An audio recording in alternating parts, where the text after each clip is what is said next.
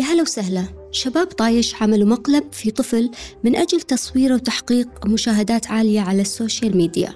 خلونا نعلمكم بالقصة من أولها.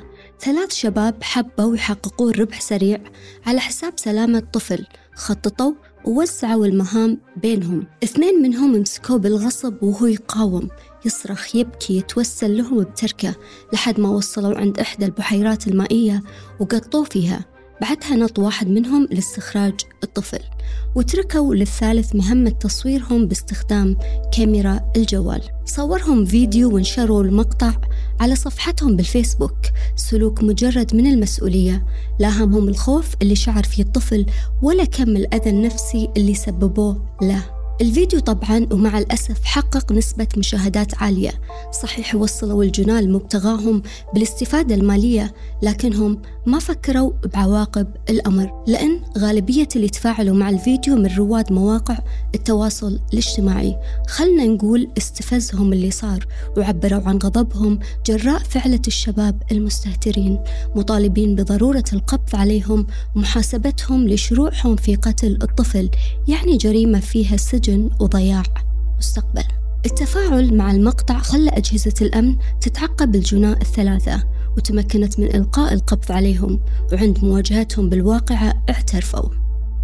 أكيد بيعترفون لأنهم صوروا جريمتهم بأنفسهم وقعوا في شر أعمالهم وعليه تمت إحالتهم للتحقيق في الواقعة واتخاذ اللازم. قانونا. أما المجني عليه الطفل فاستطاعت السلطات المختصة التعرف على هويته. تبين أن طالب قال إنه ما يعرف الجناه وتفاجأ وقتها باللي حصل. أفاد بشهادته إنه بعد ما طلعوه من البحيرة قالوا له كنا نمزح.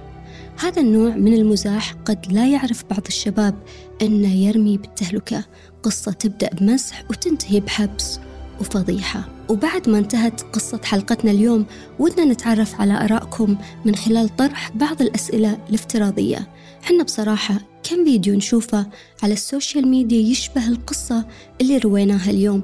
وأحيان يتم فتح بث مباشر لتنفيذ مخططات لمقالب مماثلة أو فضائح أو خلافات وما شابه بهدف الشهرة والتكسب.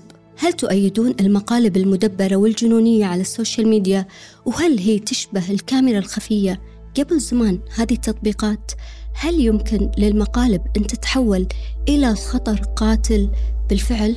خلنا نذكر لكم بعض الحوادث اللي انتهت بمأساة منها مقتل يوتيوبر بالرصاص أثناء تصويره عملية سطو مزيفة في قناته على يوتيوب وأيضا الطفل اللي مات ضحية مقلب تيك توك.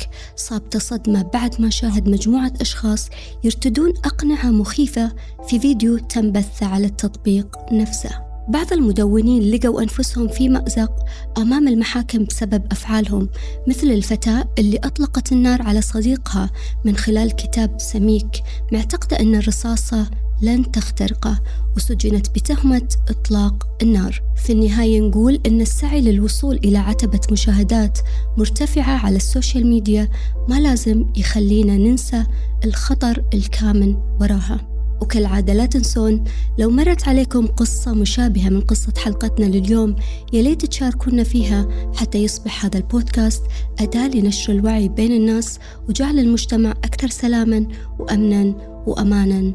ننتظر تعليقاتكم وقصصكم وألتقيكم الأسبوع المقبل مع قصة أخرى أكثر تشويقا نكتسب منها العبرة. فمان الله.